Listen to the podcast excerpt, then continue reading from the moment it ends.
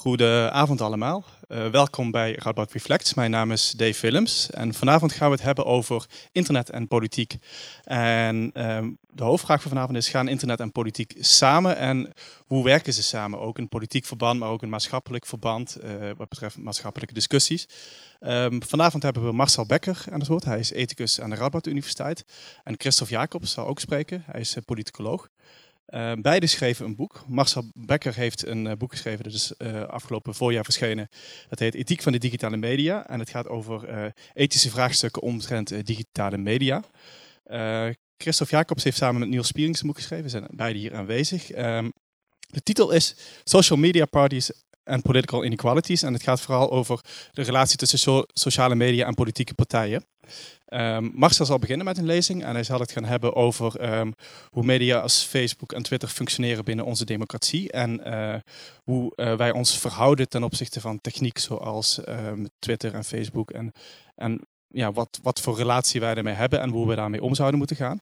Uh, Christophe Jacob zal in zijn lezing vooral ingaan op hoe politici omgaan met sociale media. En dan gaat hij vooral ook vertellen wat de potentie is van sociale media. Maar ook um, wat de valkuilen zijn voor politici. En daar heeft een aantal leuke anekdotes over. En dat gaan we straks zien. Ik, tenminste, ik neem aan dat ze leuk zijn, toch? Zullen we zien.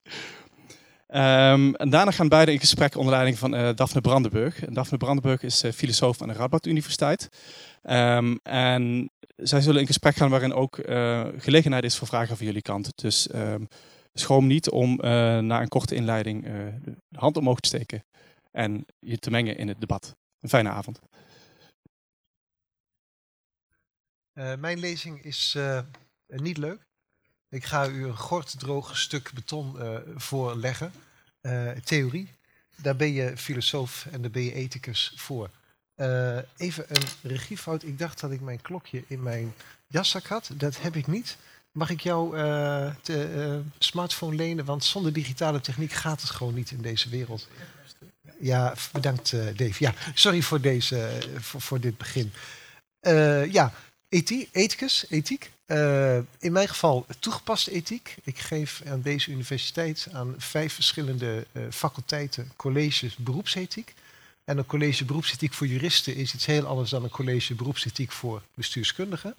Maar wat ze gemeenschappelijk hebben, die domeinen van toegepaste ethiek, is dat je merkt in hoe mensen met elkaar, met cliënten, met organisaties omgaan, dat dat verandert onder invloed van digitalisering. En dat kwam ik op al die gebieden van die toegepaste ethiek kwam ik dat tegen. En toen dacht ik, nou, daar ga ik daar een boek over schrijven. Daar ga ik erover nadenken. En als je als academicus ergens over nadenkt, dan moet je daar een boekje uh, over schrijven. Uh, de, en zo ontstond mijn ethiek van de digitale media. Laat ik beginnen met een uh, sprookje. Er was eens een jongeman, een zwarte jongeman. Die wilde president van Amerika worden. Geen brandweer of piloot, maar president van Amerika. En hij bracht het tot congreslid. En hij haalde zelfs de democratische nominatie haalde hij binnen. En toen ontmoette hij een echte jongeman. Die nog maar net afgestudeerd was. Of misschien dat hij nog niet eens afgestudeerd was. Op Harvard. En daar had hij met zijn vriend had hij een internetfaciliteit geschapen. Waardoor mensen snel met elkaar in contact konden komen. Die jongeman heette Chris Hughes. En zijn vriend heette Mark Zuckerberg. En Chris Hughes die zei tegen Barack Obama: Weet je, als ik jou nou eens ga ondersteunen bij jouw pogingen om mensen te bereiken en om kiezers te trekken. Dat zou voor Facebook heel goed zijn, maar dat zou voor jou ook heel erg goed zijn. En zo ontstond in 2008, we hebben het over 2008, hè, dat is alweer zeven jaar geleden, ontstond dit. Facebook werd ingezet in de campagne van Obama om president eh, van Amerika te worden. En dat was een doorslaand succes. Groepen die anders niet werden bereikt in zaken politiek, die werden nou wel bereikt als het om politieke vraagstukken ging. Uh, mensen werden ook actief op een bepaalde manier. Want ze werden ook opgeroepen van de zwarte jongeren in de ghetto's van grote steden. Ga eens een Obama-rap maken en plaats die op Facebook. En share die met je vrienden en zo. Uh, of je kreeg een uh, Facebook-community Obama voor advocaten. Een Facebook-community Obama voor minder valide mensen. Een Facebook-community voor weet ik wat allemaal. Dus je kreeg via Facebook dat allemaal mensen zich met elkaar konden, uh, konden verenigen. En Obama steunde ondertussen En dat is een van de sleutels geweest tot het overweldigende verkiezingssucces van Obama in 2008. Nu doen alle politieke partijen het en nu alle kandidaten. Maar dit geldt echt als een mijlpaal die van alle kanten een win-win situatie was. Goed, dit is een succesverhaal. Maar uh, er zijn ook andere kanten van het uh, internet en politiek uh, gebeuren. Ik wilde daar drie kanten van bespreken. En erin zal ik heel veel laten liggen. En gelukkig komt er een tweede spreker die dan de nodige gaten wil kunnen opvullen enzovoort. enzovoort. Uh, eerst wil ik gewoon even kort spreken over de relatie tussen mens en techniek. Want daar gaat het uiteindelijk om. Het gaat om ons mensen. Met onze uh, menselijke achtergronden en onze menselijke psychologische impulsen, wie wij zijn. En het gaat om een stuk techniek waar we tegenover staan. En ik zal die relatie tussen mens en techniek, dat is een techniek-filosofisch verhaaltje, zal ik adstrueren met Facebook. Vervolgens praat ik over wat heet de filterbubbel. Dat is een minder goede kant van de verhouding ethiek, eh, techniek en uh, internet en politiek. En zal ik praten over het verschil tussen wat is een klant en wat is een burger. En dat dat ook in deze discussie van, van belang is. Goed, beginnen bij dat eerste puntje, de relatie tussen mens en techniek. Oftewel, hoofdstuk 1 van mijn boek krijgt u de komende drie minuten gepresenteerd. Maar het moet eventjes. Uh, hoe moeten wij de verhouding tussen mens en techniek duiden? Er zijn, als je daar vanuit de ethiek tegenaan kijkt, zijn er twee mogelijkheden. De ene mogelijkheid is dat je zegt, mensen hebben hun verlangens, dingen die ze willen. En de techniek biedt hen middelen om dat ook te realiseren. Ik wil mij verplaatsen. Dat gaat op een fiets sneller dan als ik zou lopen. En met een auto gaat dat nog sneller. En in, in, in, al die gevallen bepaal ik wat ik wil. En vervolgens is de techniek aan mij ondergeschikt om mijn wil, mijn verlangen te realiseren. Dat is een uh, manier om tegen de verhouding tussen mens en techniek aan te kijken. De andere manier om er tegenaan te kijken, precies tegenovergesteld, dat is techniek is de baas. Zodra wij met technische voorwerpen gaan werken, dan gaan die technische voorwerpen ons leven bepalen maar gaan ze ook ons, onze verlangens bepalen. Ik blijf niet meer puur bij mijzelf, maar ik laat mij leiden voor datgene wat de techniek aanbiedt. En dus plotseling wil ik heel veel gaan reizen. Dat wilde ik eigenlijk niet. Maar ja, als ik zie hoe makkelijk het gaat, doordat die techniek mij dat allemaal aanbiedt, dan wil ik plotseling iets anders, namelijk veel reizen. Dat is in de techniekfilosofie is dat al honderden jaren het voor, de centrale discussie. Wie is nou de baas? De mens of de techniek? Je kunt alle grote filosofen van de afgelopen 300 jaar kun je op die manier bekijken. Hoe kijken ze aan tussen die verhouding tussen mens en techniek? Wie is de baas? Voorbeeldje, de smartphone. Uh, je hoort mensen wel eens zeggen, het is zo onrustig leven hè, met die smartphones. Want voortdurend hoor je die bliepjes en dan wil je daar wat mee. En je moet dat steeds. Met andere woorden, de introductie van, de, van een smartphone heeft mijn leven een stuk onrustiger gemaakt. Je kunt ook zeggen, nou, ik bepaal zelf wanneer ik dat ding bij me heb. En ik zet hem gewoon uit. Dus als ik, er, als ik, er, als ik ermee wil werken, zeg hem aan. En anders zet ik hem uit. En mensen die me willen bereiken, nou ja, die weten dat ik ook mijn mail in zie en die kunnen me ook bellen. Maar dat gedoe van die bliepjes, daar ga ik mijzelf niet door laten opjagen. Hoe ga je met een smartphone om? Wat doet hij met jou en wat doe jij met die smartphone? Dat is eigenlijk de, de discussie als het gaat om de techniekfilosofie. Nou, als je nou die discussie uh, een beetje probeert te, te, te vatten, of, of de, een, positie in de discussie die ik daarin inneem, dat is dat ik heb gekeken van kijk nou in een concrete thematiek hoe die verhouding tussen mens en techniek werkt, wat er gebeurt tussen mens en techniek. En kijk vervolgens, als je beschrijft hoe mens en techniek op elkaar inwerken, hoe ze elkaar beïnvloeden, uh, wat je daarvan vindt en hoe je je daartoe moet verhouden. Dus je constateert dat er een interactie is. Dus je zegt niet de ene is de baas of de andere is de baas. Maar je zegt er interactie tussen mens en techniek. En die interactie daarvan bekijken hoe die geschiet. En vervolgens kijk je of je die interactie dan kunt, kunt veranderen. In dit geval is dan de vraag: hoe verandert de politiek onder invloed van internet? Wat gebeurt er wanneer er internet in de politiek uh, wordt geïntroduceerd? En vervolgens zijn er ook dingen die we niet goed vinden die we niet willen. En waar we dan beter mee om moeten gaan. want we verhouden ons altijd tot onszelf. Dus we kunnen altijd zeggen, die en die ontwikkelingen zijn er en dat moet veranderen. Als voorbeeldje van deze abstracte benadering heb ik gedacht, laat ik eens naar Facebook kijken. Laat ik eens gewoon kijken wat Facebook nou precies voor een soort technisch medium is. En hoe in de interactie tussen mens, hoe de interactie tussen mens en techniek bij Facebook aan zijn gang gaat. Nou, er is interessante literatuur over. Bijvoorbeeld meneer Maréchal, uh, die heeft daar een mooi boek over geschreven. En die signaleert een aantal dingen. Ik ga die dingen niet uitputtend bespreken. Ik kom zo met een, met een concreet voorbeeld. Maar gewoon even in algemene zin. Hij zegt, Facebook is een uh, medium waarop grenzen gaan vervagen. Want je hebt gewoon één forum. En op dat ene forum van Facebook gooi je heel veel informatie. En het is zowel persoonlijke informatie. Je post je mooie foto van jezelf die op een feestje is gemaakt. Maar het is ook publieke informatie. Je zegt dat je naar je werk bent geweest, wat je op je werk doet.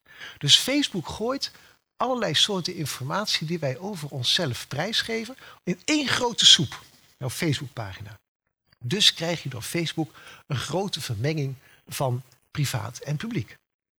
En dat als ik, en ik heb begrepen dat het in Duitsland uit de hand is gelopen, als ik hele nare gevoelens, hele nare emoties heb over vluchtelingen, dan plaats ik dat op Facebook. Dan maak ik mijn nare emoties over vluchtelingen, die maak ik dan gewoon in het publieke domein. dus een genre tussen wat je persoonlijk privé van iets vindt en wat de publieke discussie bepaalt, dat vervaagt bij Facebook. En het schijnt dat je in Duitsland een enorme uh, baggertoestanden op Facebook als het gaat om uitingen over vreemdelingen uh, hebt gehad de afgelopen maanden. Uh, verder heeft Facebook in die zin sterk persoonlijk dat mensen direct worden aangesproken. Een boodschap op Facebook is van, kijk hier eens naar. Of doe dit, geef geld. Maar wat je bij, waar Facebook niet geschikt voor is, gewoon waar het design van Facebook niet geschikt voor is, is al zeggen van, lees dit eens.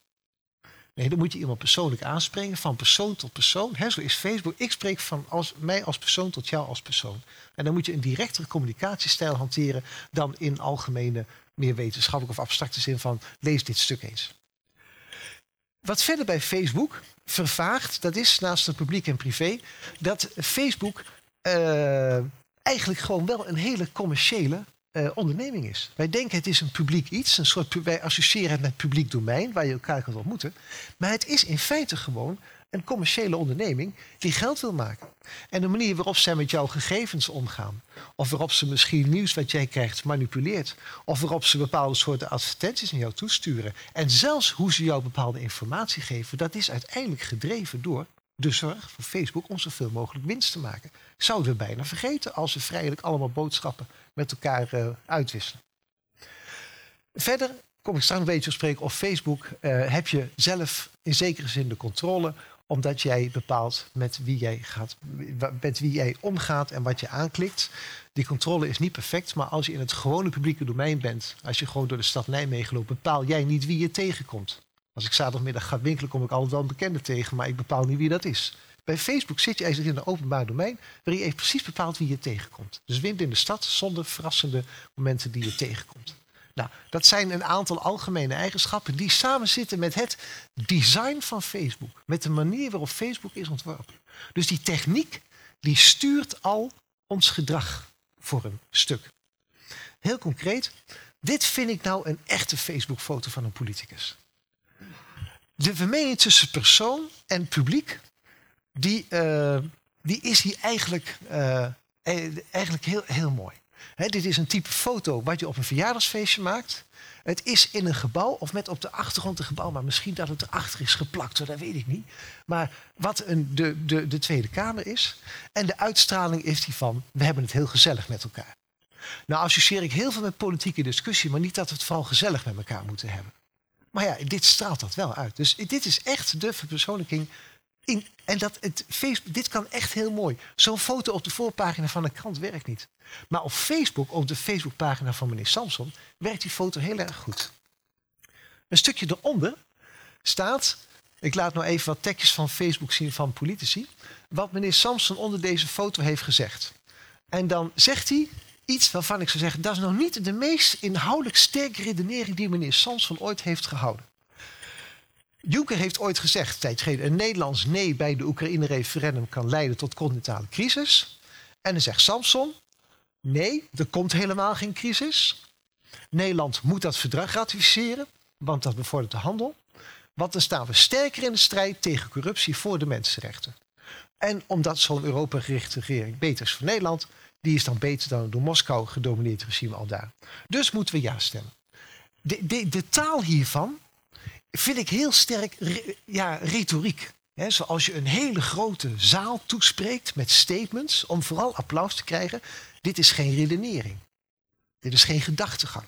Dit zijn een aantal statements die bovenop elkaar worden geplaatst. Dat kan op Facebook heel goed. Direct een appel doen aan de gevoelens en de emoties van de mensen. Als je dit in een verkiezingsprogramma opschrijft, dan zegt de commissie van het verkiezingsprogramma, dan moet je zo niet doen. Je moet dat uitwerken, je moet dat genuanceerder meer in de zin van een redenering zetten. Uh, dan roept dit, dit, dit statement roept dan allemaal reacties op. En dan gaat Samsung gaat erop in, maar die gaat daar dan verder niet heel diepgaand op in. Die pakt gewoon de reactie even en die zegt er wat over. En dat houdt hij ook beperkt. Want ja, moet maar zo'n stukje tekst zijn, anders dan gaat het. Nou, dat vind ik nou. Het, en hiermee is niets problematisch gezegd over de publiek. Dus, maar dat is wel een type retoriek, waar het, een, een type taalgebruik. waar de Facebook-design, het Facebook-ontwerp wel heel sterk toe verleidt. In die zin doet men hier Facebook optimaal uh, recht. Uh, en dan krijg je toch, ja, een keer. Geert Wilders heeft een tijdje geleden gezegd. Politiek en pers kunnen de rambam krijgen. Nou, Samson denkt, want jij kan, zo'n taal kan ik ook. En die zegt, ach Geert, goede kerstdagen gewenst, rust even lekker uit. Ja, zo communiceren mijn studenten op Facebook ook met elkaar. Dat is de manier waarop je Facebook met elkaar communiceert. In de Tweede Kamer zeggen we dit niet tegen elkaar. Via een krant zeggen we dit ook niet tegen elkaar. Maar op Twitter en op Facebook zeggen we dit wel tegenover elkaar. Dat heeft te maken met dat design van, dat, dat design van, het, eh, van het onderwerp. Uh, nou even naar de VVD-Facebookpagina gekeken. Daar zie ik, dit is geen partijpolitiek verhaal, maar ik heb er gewoon even wat uitgeplukt en morgen kan het weer anders zijn. Maar gewoon even hoe ik daarnaar kijk. Uh, een, een vraag die de VVD-Facebookpagina wordt gesteld. Een hele uitgebreide vraag waarin iemand zijn zorg over de zorgverzekeringswet, zijn zorg over de zorgwet uit. Een heel verhaal. Wat doet de VVD?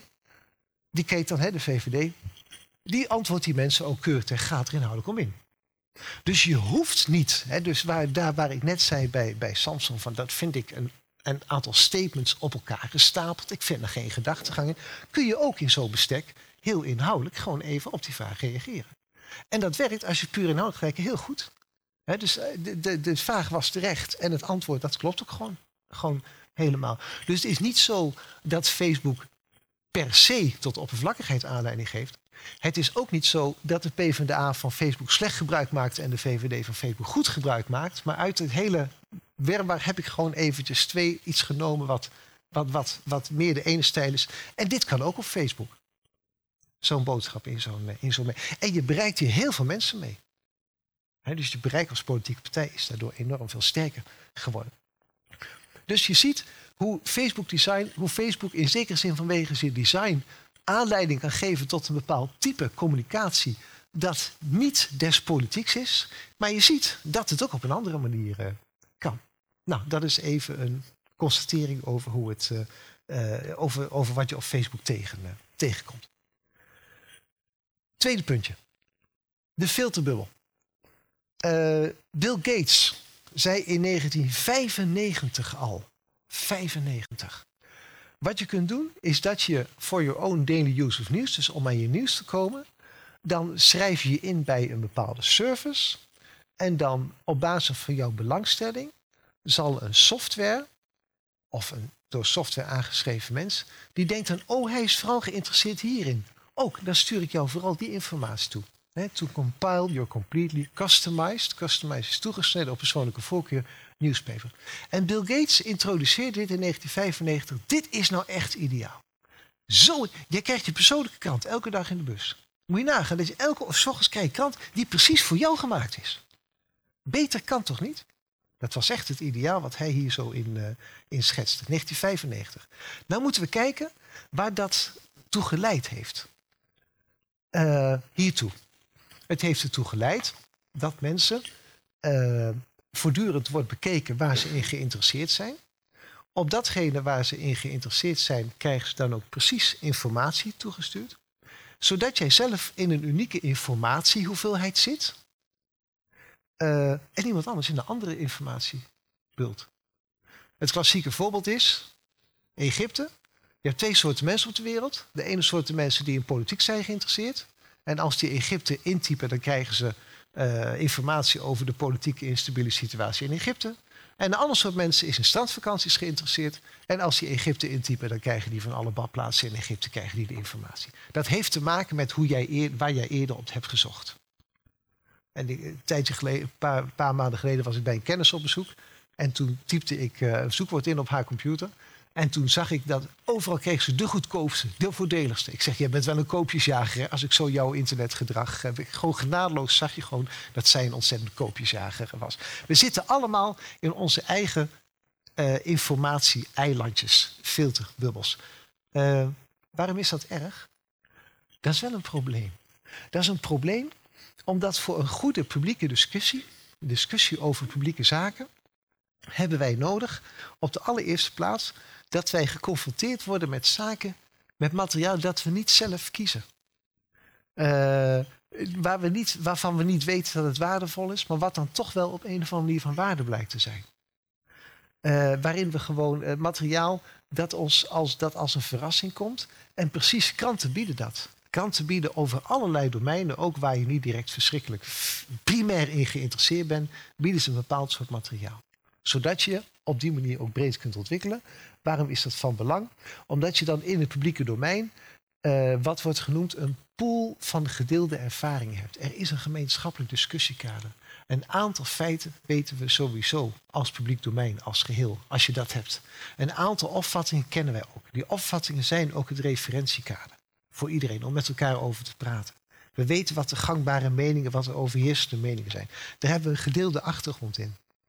En als wij die gedeelde achtergrond hebben, dan kunnen we ook veel beter met elkaar praten. En als iedereen op een eigen informatie-eilandje zit, dan kun je vanaf je eilandje af en toe wel iemand iets toeschreeuwen. En dan krijg je wel een schreeuw terug. Maar een discussie ontstaat pas wanneer mensen al op enige wijze een gedeelde achtergrond hebben. En precies die gedeelde achtergrond, die dreigt verloren te gaan wanneer mensen alleen maar via internet tot de wereld komen. Want dan komen ze op een hele geïsoleerde, apart van anderen staande. Ja, natuurlijk, ze ontmoeten wel andere mensen op internet. Maar dat zijn doorgaans mensen die precies hetzelfde denken als zij. Facebook geeft jou berichten over politiek op basis van jouw eerdere politieke voorkeur. Dus als jij bij de ene partij zit, dan krijg je minder te weten wat de andere partij vindt.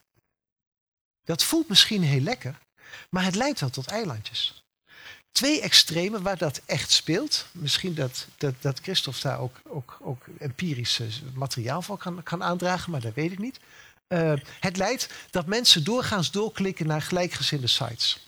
Een site onderaan geeft altijd suggesties voor verder lezen. Maar die meeste suggesties voor verder lezen zijn precies in de richting waar die, zelf site in zit, waar die site zelf ook al in zit.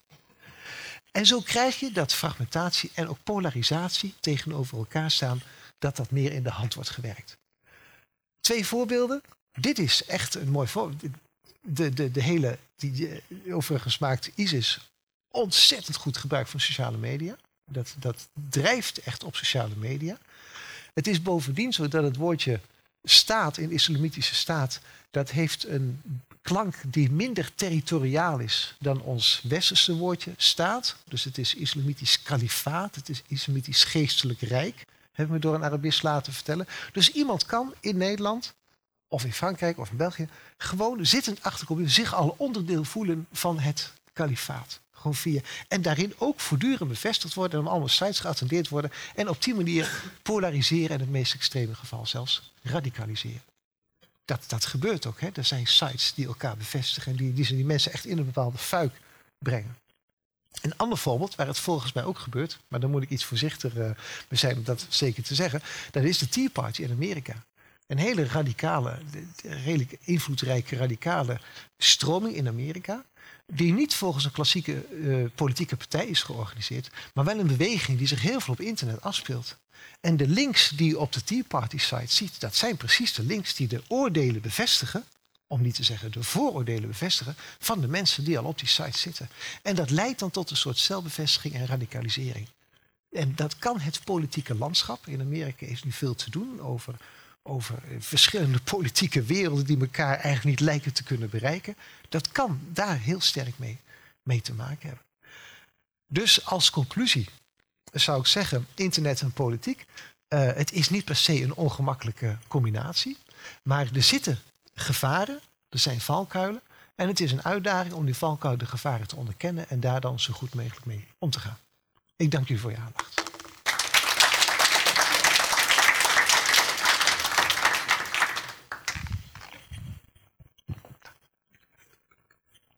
Ja, ja, mag ik in, want er komen nog een paar momenten. Uh, want ik heb niet alles gedaan wat ik had willen doen. Maar nu zijn wij bij jouw presentatie. Oké, perfect. Dankjewel. Goed. Um, in 2010 was ik uitgenodigd uh, voor een conferentie bij communicatiewetenschappen. En ik was daar uitgenodigd omdat ik uh, op dat moment bezig was met de studie van populistische partijen en men had mij gevraagd om iets te vertellen over populistische partijen. Op die conferentie was er ook een workshop die werd gegeven door een consultant, een sociale media consultant. En zij was de adviseuse van Maxime Verhagen. Maxime Verhagen die was op dat moment, zo gaat het verhaal, een beetje jaloers op ene Frans Timmermans. Uh, en uh, had de consultant gevraagd om op sociale media iets nieuws te verzinnen waarmee hij enige aandacht zou kunnen krijgen. Zij raadde Maxime Verhagen Twitter aan. Maxime Verhagen is toen begonnen met twitteren en uh, die consultant vertelde mij, this is going to be the next big thing. Dit gaat de verkiezingscampagnes en de verkiezingen van de toekomst domineren. En dat zie je nog altijd, dat argument van this time is different. En als je bijvoorbeeld nu uh, gaat kijken naar de verslaggeving over verkiezingen, dan zul je heel vaak zien, of het nu The Economist is of uh, een andere nieuwssite of magazine, uh, dat men zegt dat de verkiezingscampagne grotendeels wordt gevoerd via sociale media, of alvast dat dat een battleground is, dat zeer belangrijk is. Dat argument van sociale media en internet, maar dan vooral sociale media zoals Facebook en Twitter, dat dat iets nieuws is. En dat was voor ons de aanleiding uh, om, om, onderzoek te gaan doen. Want die consultant die dacht dat Maxime Verhagen daarmee de verkiezingen zou winnen. Uh, ik geloofde dat niet, maar ik moest eerlijk toegeven dat ik eigenlijk geen gegevens had. Er was toen op dat moment nog geen onderzoek naar of dat nu wel degelijk stemmen oplevert of niet. En toen zijn Niels Pierings en ik aan de slag gegaan. Het werd een uit de hand gelopen hobby. We zijn er vijf jaar mee bezig geweest. En nu is er het boek het boek waar we zijn gaan kijken of dat sociale media de Nederlandse politiek hebben veranderd of niet. Een startpunt daarbij is het volgende. Als sociale media echt anders zijn, this time is different, dan moet je dat ook kunnen terugzien in wat die sociale media nu zijn. De definitie van die sociale media, maar ook welke mogelijkheden zij bieden die bijvoorbeeld andere media niet hebben. En dat is de basis van het boek. Dat zal ook de basis zijn van de presentatie die ik vandaag voor jullie ga houden. Ik zal beginnen met heel kort deze definitie. Dit is een hele basis, heel basale definitie. Dan ga ik een stapje maken naar de eigenschappen van sociale media. Je zult zien dat sommige van die eigenschappen die zijn helemaal niet nieuw. Andere eigenschappen zijn wel nieuwer. Gecombineerd zorgen die eigenschappen voor bepaalde opportunities, mogelijkheden voor politici. En als sociale media de politiek in Nederland hebben veranderd, dan zal dat zijn via die opportunities.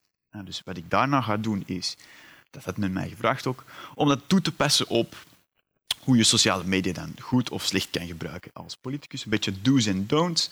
En ik zal daar een aantal uh, voorbeelden bij geven. Uh, en ik zal vertellen waarom dat dan daarbij aansluit. Goed, beginnen bij het begin. Hoe zijn sociale media anders dan andere media? Begin de definitie van sociale media. Sociale media, heel basic, zijn online platforms. En je kan als gebruiker niet alleen uh, informatie posten, je kan die ook delen met andere mensen en je kan ook ja, daarmee in interactie gaan. Nou, dus heel bazaal, er zijn uitgebreidere definities en die staan ook in dat boek, maar dan wordt het vaak wat gecompliceerder en ik heb niet altijd het gevoel dat die gecompliceerdere definities iets toevoegen. Ik denk dat dit basale eigenlijk is, het is online, je kan, er iets, uh, je kan het delen en je kan ook in interactie gaan. Nou, dat is voor mij het allerbelangrijkste. Goed, eigenschappen van sociale media. Unmediated, dat heb ik onvertaald gelaten. Dat betekent dat er geen poortwachter tussen zit, geen gatekeeper. Als je bijvoorbeeld uh, als politicus op een televisiedebat bent, dan is er altijd een journalist die je vragen stelt, die je kan onderbreken. Uh, er zijn met andere woorden mensen die je boodschap kunnen verstoren, uh, dan wel afkappen. Dat heb je bij sociale media niet. Het is ongefilterd. Dat is een groot voordeel voor politici, zeker voor politici zoals de heer Geert Wilders.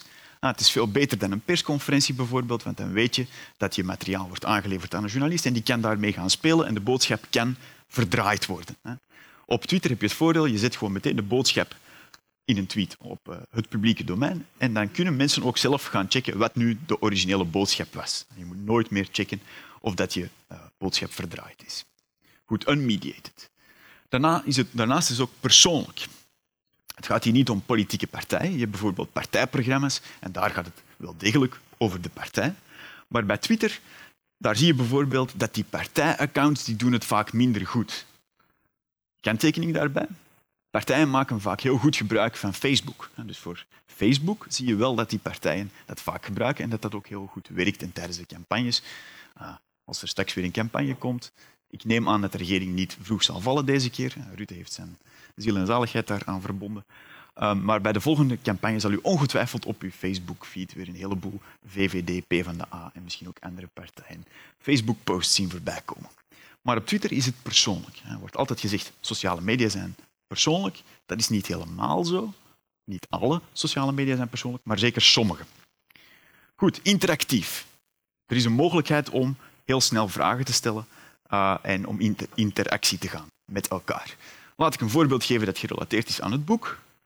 Um, het boek komt deze maand uit en is al, nou, zo wordt uh, ons gezegd, verkrijgbaar via bol.com. Hoe ze dat gedaan ik weet het niet.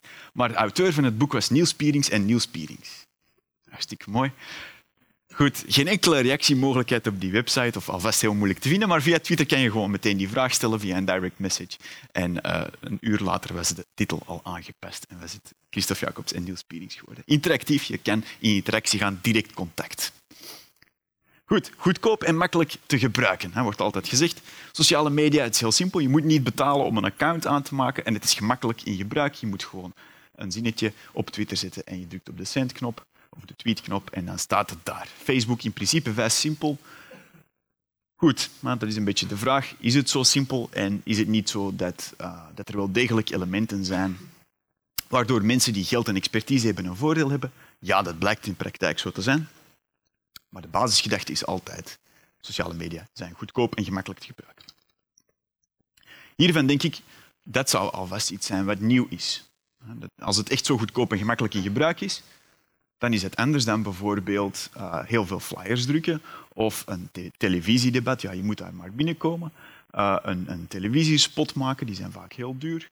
Een eigen website optuigen, dat is allemaal gemakkelijker en goedkoper geworden. Maar toch in vergelijking met sociale media is dat niet zo gemakkelijk en goedkoop.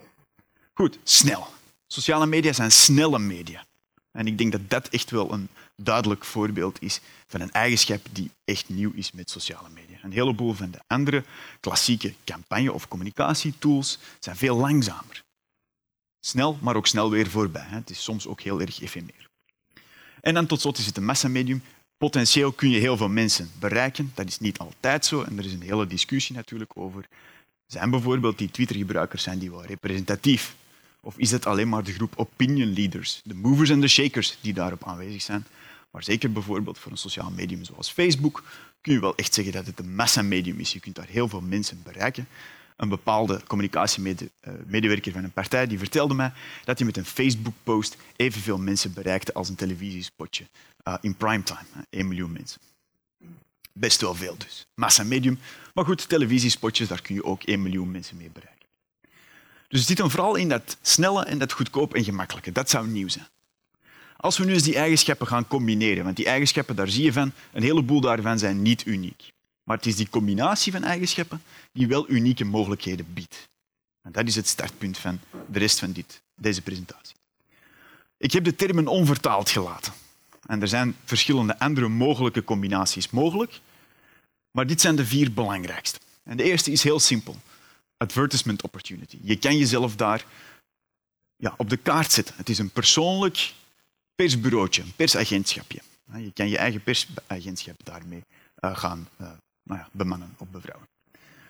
Goed, het is een combinatie van unmediated. Dat betekent dat er niemand tussen zit. Je doet het zelf. Het is persoonlijk. Het is jouw persagentschap. Het is goedkoop en gemakkelijk te gebruiken. En het is een massamedium. Deze elementen samengevoegd, dan kom je tot de advertisement opportunity. Heel bazaal, heel simpel. Je verspreidt boodschap. Dan weten we dat ook weer. Volgens mij is er gelukkig nog een za-uitgang. Oké, target group opportunity. Weet je wat het leuke is aan die sociale media? Sociale media die zorgen ervoor dat je een heleboel mensen kunt bereiken die geografisch heel erg verspreid zijn. Ook kleinere groepen. Groepen die normaliter ja, lastig te verenigen zijn. Dat heb je met internet bijvoorbeeld ook. Hè. Dan denk ik bijvoorbeeld aan etnische minderheden, maar ook de LGBT-community. Ehm, maar je hebt een heel mooi voorbeeld van in de, politica van de PvdA, Meili Vos. En wat zij doet is, zij spreekt expliciet als doelgroep de ZZP'ers aan. Zij zegt, de ZZP'ers, dat zijn mensen die druk zijn, die zijn verspreid over het hele land en die kunnen snel wel eens even haar Twitter-account checken en zo en met haar direct in contact komen. Maar het is veel lastiger bijvoorbeeld om bij die zelfstandigen uh, op de deuren te gaan kloppen. Canvassen, wat heel vaak gebruikt wordt door politieke partijen om hun kiezers te mobiliseren. En vandaar, die groep kun je verenigen via sociale media. Target group, als je weet wie je target group is, dan kun je daar een groep bereiken die je anders veel moeilijker kunt bereiken. De vraag is, doen politici dat ook? Is die Meili Vos is dat een uitzondering of is dat eerder de regel? Nummer drie, de human contact opportunity. We weten dat ja, het is toch altijd wel interessant als je een politicus of politica in het, uh, in het echt ontmoet. En als die persoon met jou een babbel doet, dat werkte bijvoorbeeld blijkbaar vrij goed met Diederik Samson. Die man wordt een pak sympathieker als je hem in het eh, echt ontmoet. Um, goed, human contact. En het leuke is dat sociale media die zijn een soort proxy voor persoonlijk contact. Als je een vraag stelt aan een politicus en je krijgt een antwoord van zo'n politicus of politica, dan voelt dat een beetje alsof die op jouw deur, uh, doorstep staat, als het ware. En dat is heel leuk, want het is die social presence, en je bent aanwezig op sociale media. Daarvan blijkt uit, uh, uit onderzoek dat dat, ja, dat werkt eigenlijk vrij goed. En dat geeft je het gevoel alsof je in human contact bent met die persoon. Maar goed, dat betekent wel dat je als politicus moet interacteren en je moet de vragen beantwoorden. Als er vragen gesteld worden, je moet er iets mee doen. Goed, salon debate opportunity. Het einde van de 19e eeuw waren de Franse salons, dat waren de, ja, waar het allemaal begon. De publieke opinie werd daar gemaakt. Dat waren niet zozeer een reflectie van de publieke opinie, dat was ook niet representatief. Maar daar zaten de opinion leaders. En de opinion leaders die gingen eigenlijk de boel in gang zetten. En dat zie je vaak bij sociale media en zeker bij Twitter. Twitter is helemaal niet representatief, maar dat is het punt ook niet. Het gaat hier helemaal niet om of hier de hele publieke opinie kan bereikt worden, maar je kunt daarmee wel de movers en de shakers, de opinieleiders, bereiken. Sterker nog, je kunt sociale media ook gebruiken om ja, die mensen direct aan te spreken. In plaats van dat je bijvoorbeeld vroeger uh, zijn of haar uh, telefoonnummer moest hebben. Nu kun je gewoon via sociale media in contact treden met die mensen. Goed, ik heb daaronder nog een lijntje bijgeschreven en dat is elk van die sociale media heeft zijn eigen sterktes en zwaktes. Dat betekent dus ook dat bijvoorbeeld de Salon Debate Opportunity die geldt veel meer voor Twitter. Uh, en de Target Group Opportunity die kun je bijvoorbeeld heel goed gebruiken bij Facebook, waar je ook bepaalde boodschappen kunt richten naar bepaalde doelgroepen. Dus elk sociaal medium heeft zo zijn eigen sterktes en zwaktes. En het is daarom, ik heb het een, een beetje als een algemeen verhaal gestructureerd. Maar als je gaat kijken naar die individuele sociale media, dan zul je zien dat sommige onderdelen belangrijker zijn dan andere. Verder, in, het, in de rest van mijn presentatie zal ik het voornamelijk hebben over Twitter. Dat was gemakkelijker te analyseren. Politici gebruiken Twitter ook veel meer dan Facebook. De reden daarvoor lijkt te zijn dat ze zo gemakkelijker met journalisten in contact zouden kunnen komen. Het is een beetje de oude medialogica. Uh, Twitter is een, een, nieuwe deur in een oud huis. Via Twitter kan je in de oude massamedia terechtkomen. En dat zie je heel vaak. Het type voorbeeld daarvan is wellicht ook Geert Wilders, die in plaats van persconferenties gewoon zijn tweets als one-liners post. En die tweets worden dan vaak gebruikt uh, in de massamedia. Een ander voorbeeld van een partij waarvan u het misschien niet zou verwachten, is dat um, ook de politici van de SGP, Kees van der en zijn collega's, die gebruiken Twitter vooral vanuit deze logica. En dat was voor hen de reden om sociale media te gaan gebruiken. Goed. Dus voor politici is vaak Twitter belangrijker, voor partijen is vaak Facebook belangrijker. Do's en don'ts. Men had mij gevraagd om eens even te reflecteren op do's en don'ts. En laat ik beginnen met iets dat heel erg voor de hand ligt. Als je goed met sociale media wil bezig zijn, doe dan op zijn minst iets. Dan denkt u dat is heel erg voor de hand liggend. U hoort het, ik ben afkomstig uit Vlaanderen, uit Antwerpen meer bepaald. En recent ben ik ook onderzoek gaan doen naar hoe Belgische politici gebruik maken van sociale media. Nou, Het leuke daaraan is dat ze dat naar goede Belgische gewoonte op een redelijk bizarre manier doen. En bijvoorbeeld, zo zeg je dat ehm, tijdens de campagneperiode van de verkiezingen van 2014 waren er 59 kandidaten die aan het begin van de campagne meer tweets hadden verstuurd dan aan het einde van de campagne. Wat dus de facto betekent dat ze vooral tweets hebben gedelete. Dat ze dus met andere woorden bang waren van wat ze eerder hadden getweet en dat dat misschien verkeerd zou kunnen worden geïnterpreteerd. Oké, 59 kandidaten deden dus helemaal niks haast. 71,3 procent van de Belgische politici heeft nooit een vraag beantwoord. Geen enkele vraag beantwoord. Wat deden die Belgische politici voornamelijk? De tweets van hun lijsttrekkers retweeten. Dus Bert Wever van de Nieuw-Vlaamse Alliantie had een hele apparaat aan twitterende kandidaten die de hele tijd zijn tweets aan het retweeten waren. Nou, dat soort zaken ja, dan ga je natuurlijk nooit echt een positief effect hebben. En dan ga je die sociale media ook niet gebruiken voor iets dat nieuws is. Je bent gewoon de megafoon van je lijsttrekker. Dus doe iets. Dat lijkt heel erg vanzelfsprekend, maar in België is men nog niet in dat stadium. Goed. Nummer twee, kies je publiek. En het eerste is trouwens gelinkt aan de advertisement opportunity. Je eigen persagentschap zijn. Nou, als je niks doet, dan ben je niet een persagentschap. Nummer twee, kies je publiek. Dat is gelinkt aan de target uh, group opportunity. Mooi, mooi voorbeeld zijn deze twee ex-PvdA'ers, en dit is wel een plaatje van Facebook, uh, Kuzu en Osturk, um, die samen de beweging Denk hebben opgericht. En je ziet dat zij zeer zij zijn heel erg bezig met sociale media en dan voornamelijk met Facebook, maar ook met de andere sociale media. Uh, they're carving out their own niche. Ze willen eigenlijk ervoor zorgen dat ze via sociale media de doelgroep kunnen bereiken, omdat ze ja, ze hebben eigenlijk minder toegang tot de traditionele massamedia, dus dit is voor hen een soort alternatief. En ze zijn heel blij. Ze, hun laatste post is dat ze 10.000 likes hebben. Hartstikke mooi. Gefeliciteerd. Maar natuurlijk weten we dat bijvoorbeeld als je een zetel wil halen in Nederland, dan heb je wel zes keer zoveel stemmen nodig. Dus om het maar even in perspectief te plaatsen, en dan gaan we er nog altijd vanuit dat al die likes ook allemaal stemmen zouden moeten zijn. Dus ja, met zo'n Facebookgroep kun je wel wat doen en ik denk dat ze het heel goed gebruiken. Maar ze hebben natuurlijk wel meer mensen nodig. En ja, dat zet ook wel de uh, sociale media gebruik in een bepaald perspectief. Hè. Dus ja, ze doen er wel wat mee, maar goed, het is lang nog niet genoeg. Oké, nummer twee. Geert Wilders. Als je je target group hebt, dan moet je natuurlijk ook gaan mobiliseren. Je kan daar iets mee doen. Je wil als politicus vaak dat die mensen voor jou gaan stemmen. Maar je kunt ze ook voor andere zaken inzetten. En Geert Wilders was daar vroeger niet zo heel erg uh, zwaar mee bezig.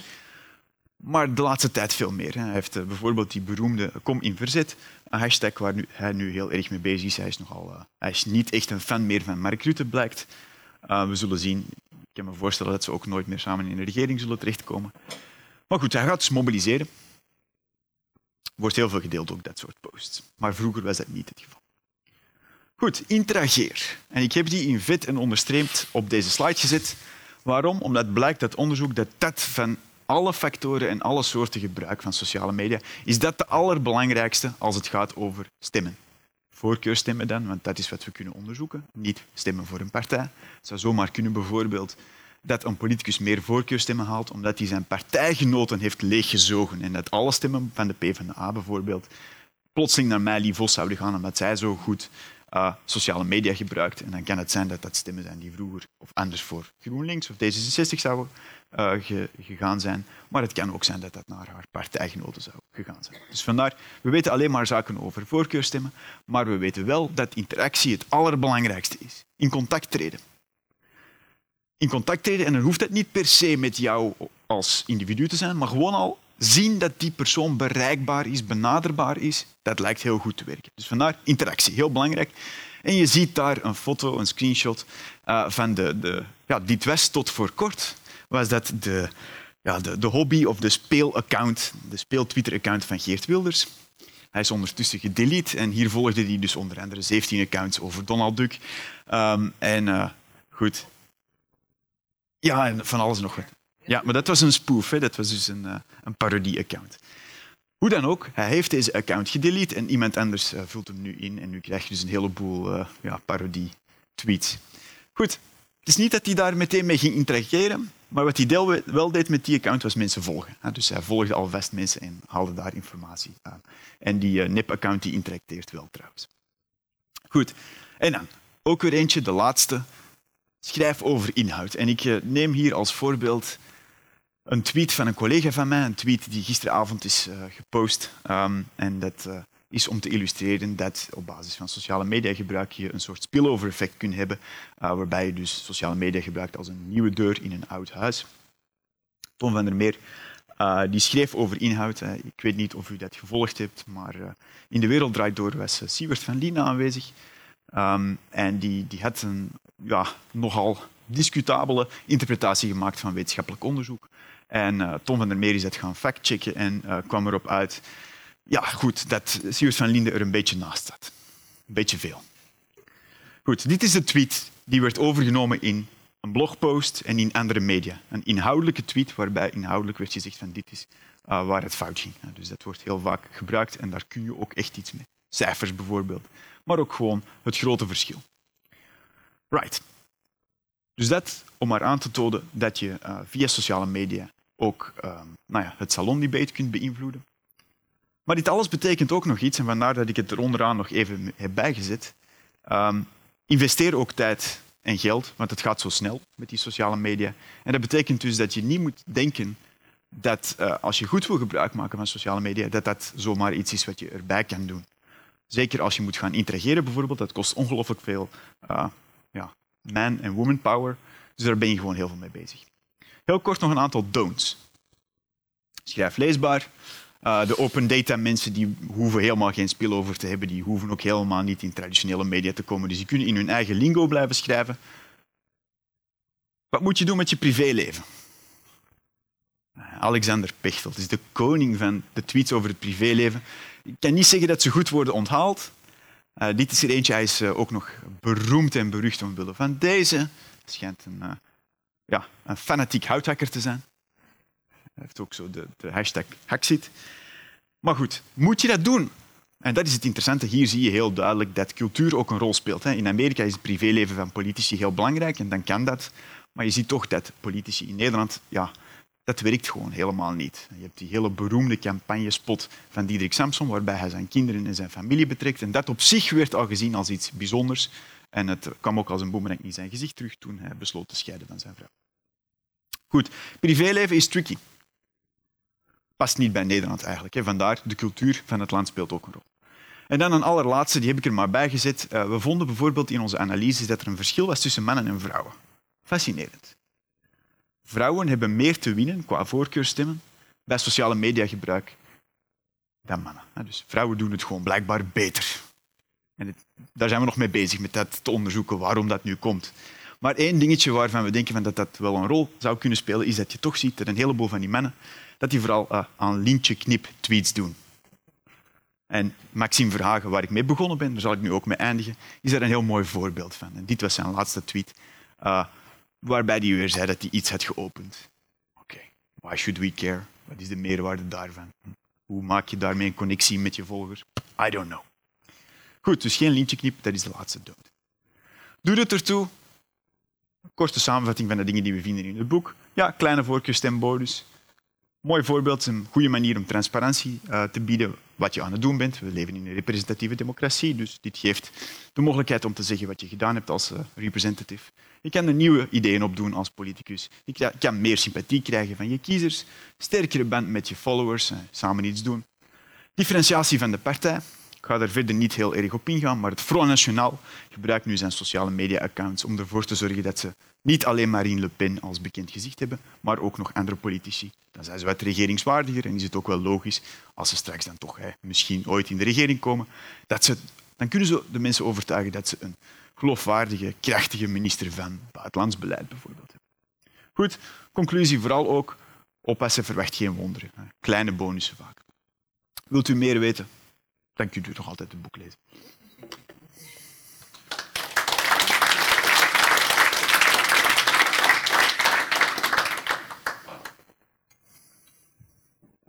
Goed, we hebben tot negen uur de tijd voor discussie. Ik zal eerst een paar discussiepunten zelf uh, aanbrengen. Als u daar vragen over heeft, uh, stelt u die dan gerust. Dus steek uw hand op, dan komt mijn lieftallige collega jullie vragen eh, komt de microfoon brengen. En daarna zal er nog ruimte, eh, ruimschoots tijd zijn voor vragen uit het publiek die jullie zelf hebben. Ehm, om te beginnen, eh Christophe, jij, eh, iets wat internet natuurlijk biedt, eh, is toch een, een podium waar kiezer en politicus heel direct met elkaar ehm, interactie aan kunnen gaan. En jij lijkt daar vrij enthousiast over te zijn. Klopt dat? Is dat een verbetering van de politiek, denk je?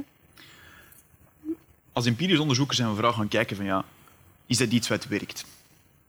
Werkt vanuit de benadering van levert dat stemmen op? En dat Mhm. lijkt inderdaad zo te zijn. Hè, Dus het, het kan stemmen opleveren. En dus in die zin lijkt dat te werken. Nu is het een andere vraag natuurlijk Ja. of dat ook een verbetering is voor de democratie. Wat we gezien hebben is dat sommige politici echt gaan luisteren, tot hun eigen verbazing als het ware.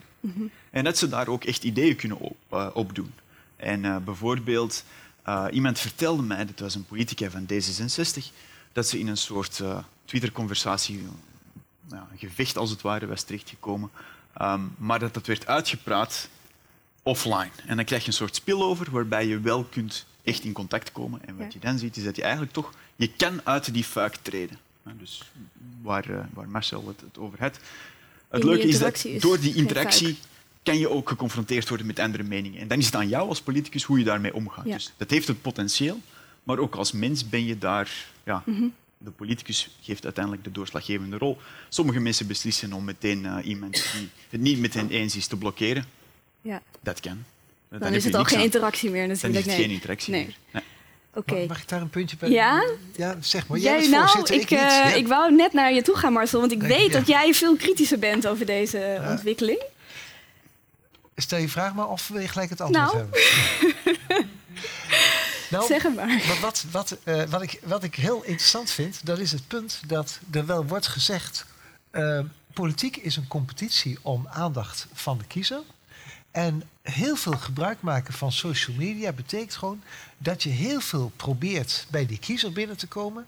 Waarbij het dan op een gegeven ogenblik, zeggen de sceptici, niet meer uitmaakt wat je boodschap is. Dus je richt je op de ZZP'ers. Je schrijft gewoon vijf keer per dag iets over ZZP'ers. Maakt niet uit wat. Als het maar over ZZP'ers gaat. Dan voelen zij zich lid van de community. Dan bind je je aan ze en dan heb je die stemmen. Iemand anders heeft weer een andere achtergrond en probeert heel veel. En jouw verhaal, er zitten elementen in om dat scepticisme toch wat minder te laten worden. Want jij zegt bijvoorbeeld dat zo'n lintjesknip tweet. Hij zegt, dat moet je, jij zegt, dat moet je niet doen. Dat vinden mensen niet interessant. Dus eigenlijk zeg jij van, ja, maar je moet wel met goede dingen komen. Want, en het gaat niet puur om de kwantiteit van die tweets. Nee, en daarmee zeker. ontkracht je een stuk scepticisme, wat ook Ja. wel in het debat zit. Dus daar wil ik graag even reactie op, eh, op horen. Het, Interessant punt. Hè?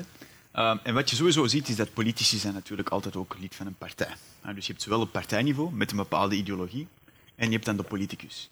En dus dat betekent ook dat je als politicus heb je bepaalde grenzen. Nou, je gaat niet als VVD'er zeggen van nou, we moeten gewoon meer staatsbemoeienis hebben, we moeten vooral meer regels gaan eh, bedenken en zo. Dus je ziet dat er bepaalde grenzen zijn.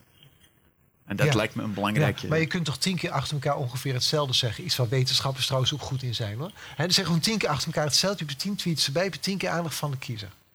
Maar hij zeg je, dat zal waarschijnlijk toch, zou de kiezer denken, is helemaal niet interessant wat die allemaal tweet. Dus dan. eh, Ja, dat is dat interessant. Hè? Dus, ehm, het grappige is, dat hebben we ook onderzocht. En wat blijkt, dat helemaal in het begin, in 2010, ehm, dan zag je wel degelijk dat er een tipping point was. Op een bepaald moment waren mensen het helemaal beu. En dan kun je gewoon maar tweets blijven sturen, een soort Ja. mitrailleur aan tweets, en it didn't work. Oké. Maar het grappige is dat in 2012, nee, was het gewoon weg. En dat, ik denk ook dat mensen als gebruikers meer gewend zijn aan hoe dat Twitter dan werkt. En dan ga je gewoon dingen negeren. En dat is ook een beetje een belangrijk eh, punt natuurlijk. Een heleboel van, van de tweets eh, en de berichten op Facebook die, die verschijnen, die gaan langs mensen heen. They don't Ja. register. Ja. Ja. Dus een beetje zelfs als reclame. Ik, ik wil heel even terug Ja. naar de ehm, directe interactie tussen politicus eh, en kiezer.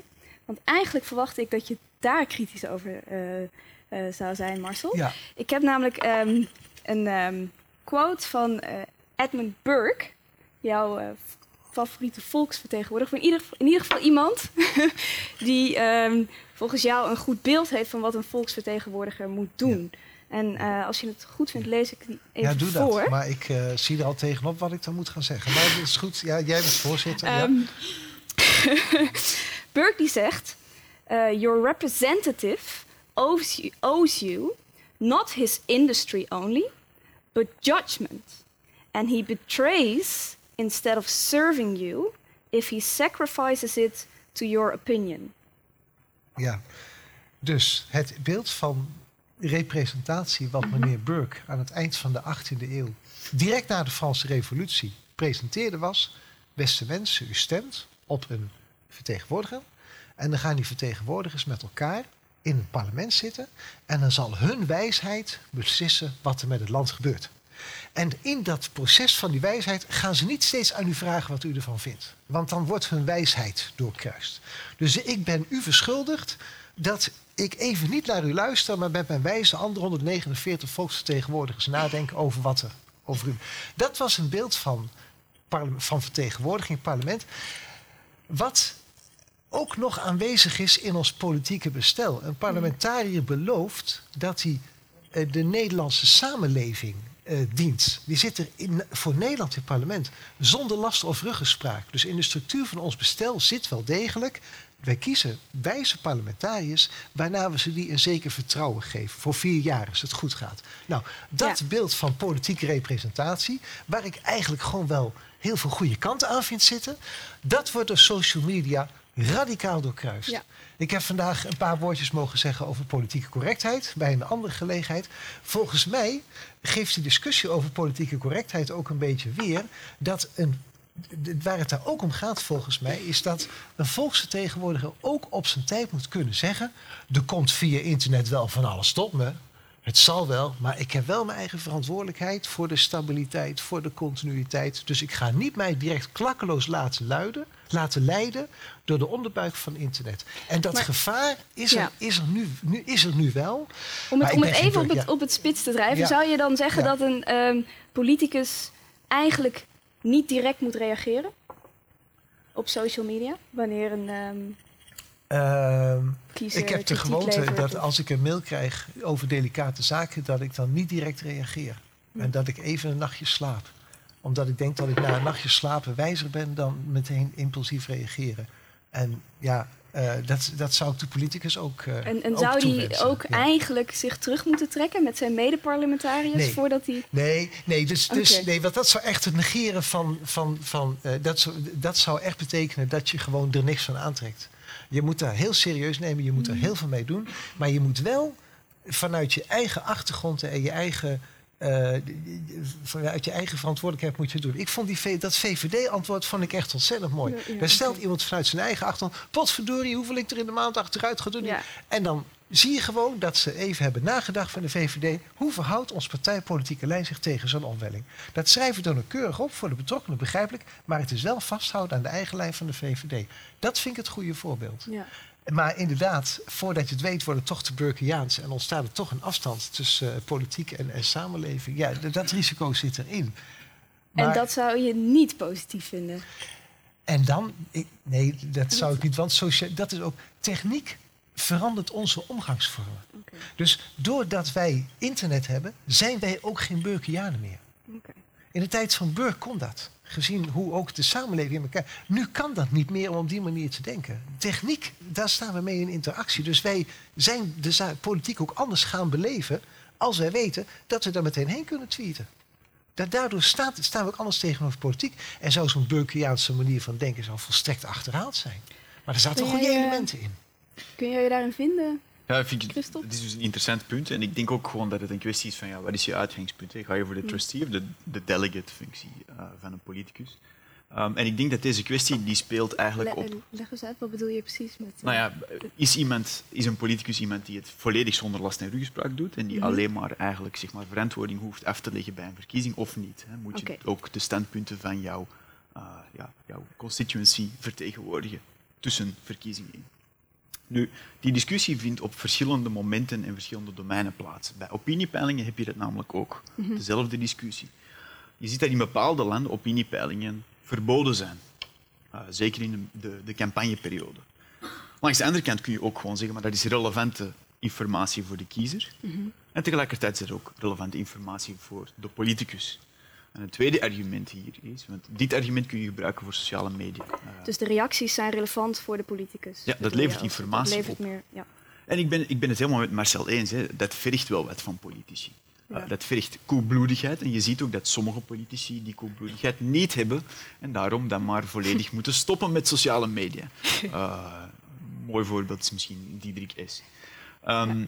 Dus dat vergt inderdaad wel wat van, van politici. Ja. Ja. Maar Op, het, jij, op het moment dat we het zo gaan zien, is er niet iets, toch wel iets waar we ons misschien zorgen over moeten maken. Namelijk dat ehm, de mensen die zich op het wilde wijde web eh, met politiek bezighouden, wellicht niet een representatie zijn van onze samenleving.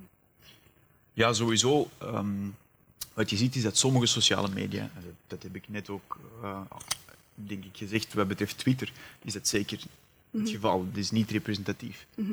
Um, en, en Facebook is dat veel meer. Nu, het gevaar zit hem in het volgende. Het zou zomaar kunnen dat politici gaan denken of zich gaan gedragen alsof de reacties die ze krijgen op sociale media representatief zijn voor de hele publieke opinie. Dat zie je ook bij opiniepeilingen. Ja. Iedereen die bezig is met een politieke partij, die weet dat er wel dat mantra steeds wordt herhaald van het zijn maar opiniepeilingen, maar het is verdomde lastig om ze te negeren. Hetzelfde met die sociale media. Als je politici interviewt, dan zeggen ze altijd het zijn maar sociale media, ze zijn niet representatief. Maar ze gedragen zich vaak alsof het wel representatief is. Dus een soort discrepantie daar. Ja. En dat is zeker wel, ja, dat is wel iets om rekening mee te houden. Want ze lijken wel te beseffen langs de ene kant dat het niet representatief is, maar het is zo verdomde lastig om Ja, dat te negeren. zit daarbij, dat algoritmeverhaal zit er nog bij. Dus Twitter retweet tweets die al een aantal keren Ja. zijn geretweet zijn. Dus als je En een extreme tweet heeft die aankracht, krij- aandacht krijgt, dan zal die meer geretweet worden. Daar zal die meer mensen onder ogen komen. Zal dat meer dus zoeken, gaan die mensen dan die nog meer retweeten. Dus je krijgt een soort eh, sneeuwbaleffect. Dat Mhm. iets wat klein begint heel snel heel groot wordt. Maar dat vooral omdat het extreem is en veel aandacht krijgt. Dus er kan een zekere eh, verscherping, een zekere profilering ontstaan. Doordat het extreme interessant, boeiend wordt. En daardoor vaak gerieten. En daardoor onevenredig veel aandacht, onevenredig veel aandacht krijgt. Oké. Ja, dus Ja, als ik het goed begrijp, is die interactie wel goed. Maar moet de politicus toch ook weer Ja, niet. en- eh, En Ja, de dus politicus die, die ze door die extreme dingen laat leiden, ja. ja, die neemt zijn eigen verantwoordelijkheid. Ja, dus het, het vergt Ja. wel degelijk iets van politici. En het punt is ook dat dat human contact, hè, waar we het over hebben, dat geldt ook de andere kant op. Dat vind ik heel interessant, ook voor een politicus. Uh, als je in het midden van zo'n Twitterstorm terechtkomt, ja, dat doet wel wat met je. Als Ja. er plotseling 30 mensen over je struikelen en je gaan, ja, heel erg gaan aanvallen. ja. Hè, dus, en dat zijn dan maar 30 mensen, dat lijkt heel weinig, is totaal niet representatief, maar dat doet wel iets met je. Dus ook daar zie je wel, dat heeft wel een effect. Dat vergt iets van politici. Ja. Maar je ziet ook wel dat doorheen de tijd zijn politici daar veel professioneler in geworden. Uh, zijn ze ook gewoon, ja, hebben ze mensen die dat gaan filteren, enzovoort, enzovoort. Dus je ziet wel dat ze er ook steeds beter mee omgaan. Maar dat vergt gewoon ook iets van ons. We gaan constant daarmee om. We worden daar beter in. Dat is niet iets wat vaststaat en stilstaat. Ik wil even van de, kant, van de politicus naar de kant van de kiezer. Marcel, jij noemde dat mensen steeds emotioneler en ongefilterd reageren, ook op het internet. En ehm, ik eh, heb gewoon eventjes zo eh, Facebook afgezocht. En eh, een van de laatste ehm, posts van Mark Rutte over het bereikte klimaatakkoord roept onder andere de volgende reacties op. Ik kan ook al deze profielen vinden. Ene Jon Hurt die zegt bijvoorbeeld opzouten met al je leugens, Mark Rutte. Grote crimineel dat je bent. Eh en Span, neem toch op man en laat je niet meer zien, oplichter. Smeerlap, je moet aftreden. Deals maken met criminelen met onze geld. Aftreden, viezerik dat je bent. Incompetente, sukkel. Ja. En dat, eh, dat is maar een kleine handgreep uit de reacties. Nou, en dan wil ik even de vraag stellen die je misschien niet verwacht. Ehm, wat ik je namelijk wil vragen is: is dit wel zo erg? Eh, nou, eh, misschien dat het. Ja. Eh, wat hier gebeurt is volgens mij het volgende. Eh, in, in internethandelingen verrichten we, de, de feitelijke handeling van het optypen, verrichten we in een, in een privaatachtige setting, zeg maar. Hm. Eh, dus ik kom thuis en ik zeg tegen mijn vrouw: God, die studenten die, maakten er weer, die snappen er ook helemaal niks van tegenwoordig. Hè? Dat zeg ik zo in de keuken als ik net thuis ben. Ik moet even gewoon even afreageren. Dat doe je privé. Je hebt je zo je opwellingen. Nou moet je voorstellen dat ik dat op Facebook zet. Nou, dan, dan, dan is dat toch niet zo erg prettig. Eh, want da- dat staat het morgen in Ans, hè, van docent laat zich min achter. Toch is het zo dat wij allemaal in onze privaat... ik heb hele goede studenten altijd... Hè, dat wij in onze, toch dat soort opmerkingen maken. En Facebook is heel erg ongemakkelijk. Je ziet dat ook bij bijvoorbeeld eh, eh, de meiden in de puberleeftijd. Die vinden het heerlijk om vooral op een slaapkamer lekker achter de computer te zitten. In een vertrouwde omgeving kun je niet zijn. Dan zijn ze meer dan ooit zichzelf. Wat gaan ze doen? Dan gaan ze twitteren en dan gaan ze facebooken. Ja, daar komen ongelukken van. Cyber- cyberpesten is onder andere daardoor een ontzettend probleem. Nou, dat is één punt van het verhaal. En dit is ook, die mensen hebben gewoon lekker thuis. gebeurt eh, hadden of gedronken of te laat gemaakt. En dan gewoon, hupsakee, komt die onderbuik zo in publiek ervoor. Maar tegelijkertijd denk ik van, daar gaan we ons tegen wapenen. We gaan gewoon steeds meer begrijpen. We gaan dat ook steeds relativeren. Ik denk, ik- Ja. ik heb wat dat betreft wil ik wel eh, vertrouwen hebben, gezonde verstand van de mens. We gaan ons daar weerbaar mee te maken. We gaan ons daar onverschillig tegenover stellen. En ik vind in dat verband media-educatie vind ik gewoon heel belangrijk voor de komende jaren. Politici moeten wat leren. Ja, wij moeten ook wat leren. En we moeten onze kinderen ook wat leren. Dat is echt van hoe gaan wij daarmee om? Niet voor niets zei ik van zien hoe het werkt en vervolgens kijken hoe we ons daartoe verhouden. Maar ik denk ook dat in dit soort dingen er een schokere. Ja, we krijgen gewoon een hardere huid. We worden daar gewoon onverschilliger eh, onder. Ik vind het vervelend dat het gebeurt. En wat er in Facebook, Fa- Facebook rond vluchtelingen is gebeurd, dat Ja. is uit de hand gelopen. Dat zijn nare dingen. Tegelijkertijd gaan we daar ook harder onder toch worden, denk ik. Is dat een goed antwoord? Even, ja, nou, wat ik me ook afvraag is... moet je het tot op zekere hoogte serieus nemen? Want je, je, je zegt, we moeten een dikkere huid creëren... maar Ja. misschien zijn het ook eh, stemmen... die anders überhaupt niet gehoord zouden worden. Ja. En Ja. het gaat ook mis wanneer je helemaal niet naar emoties luistert. Ja, je, moet Dus- het, ja, je moet het serieus nemen en vervolgens transformeren in een goede politieke opvatting. Dus met andere woorden, wanneer het puur persoonlijk is bedoeld, dan kun je dat, moet je dat volstrekt niet serieus nemen. Maar wanneer zeer veel dingen over deze, eh, deze persoon of Ja. over een bepaalde thematiek worden gezegd, dan moet je echt wel aannemen dat daar een serieus probleem ligt. Maar dan moet je met het crimineel probleem in de gang gaan. Ja. Maar, maar iemand die ja, heel snel allemaal willekeurige koppelingen maakt met op ons geld eh, deals met criminelen sluiten en zo. Hm. Ja, ik zou niet weten hoe we daar een serieus systeem moeten nog van moeten maken. Dat er twee minister, een minister en een staatssecretaris over zijn afgetreden. Die man heeft gewoon veel gedronken en die kun je negeren. Die zoiets. eh. Ben jij het daarmee eens? Maar als het gaat over vreemdelingen. Ja, daar Ja. is echt een enorm probleem in de samenleving. En dat moeten politici ook verwoorden, maar niet in de termen van Facebook. Ja, wat je dus inderdaad ziet is dat ehm, er is wel een zekere dikkere huid aan het ontstaan. En op zich denk ik dat dat een hele goede is, want ook een dikkere huid weerhoudt mensen er niet van om daar waar het wel zinvol is, die emotie ook mee in rekening te brengen. En ik denk ook dat als je heel gauw al gaat zeggen van ja, dit moet niet kunnen en zo, of je persoonlijk beledigd voelt, dat, dat, dat helpt helemaal niet. Ehm, en, en ik denk dat politici daar steeds beter mee omgaan. Ze hebben ook, ja, ze leren daar zelf van, ze weten wat ze kunnen verwachten. Uh, mensen zoals Alexander Pechtold die krijgen elke dag wel een heleboel haatmail en, en heel erge emotionele berichten over zich heen. Maar zij weten wel hoe ze ermee moeten omgaan. Nu, als dat een heleboel emotionele reacties zijn over een thema, dan, zou dat, dan is dat relevante informatie voor hen. Ja. Uh, en en nou ja, een goed politicus die weet daar uit te filteren wat eh, persoonlijke aanvallen zijn en wat emotionele informatie is waar die iets mee moet. Dus ik ben helemaal geen voorstander van een puur rationeel discours. Ook emoties Nee. hebben informatie Hebben die relevant zijn. Oké, er is een vraag. Ja, vraag. Ik, eh, dag. Hi, test, test. Hi. Hallo. Je hebt een hele Eh, luide ik stem. hoor je in ieder geval goed, ja. Ik wel. Eh, hartstikke fijn. Ik heb een hele korte vraag. Consumeren. Zijn jullie het met mij eens dat eh, je nadelen niet? Dat je nadelen, Nadelen niet kan consumeren. kun je een voorbeeld geven? Bijvoorbeeld, eh, deze stoel is een nadeel voor mij. Ik ervaar die stoel als een nadeel. Kan ik die stoel consumeren? Eh, ik ben kun je niet de iets enige wat die het niet nadelig is? Eh, Consumeren. Ja, ehm, ik bedoel dit vanuit de context dat ik denk dat consumeren het alleen het tot je nemen van Ja. voordelen Ja. heel veel te maken heeft met dat mensen dit soort dingen op hun Facebook en sociale media gewoon gaan uiten.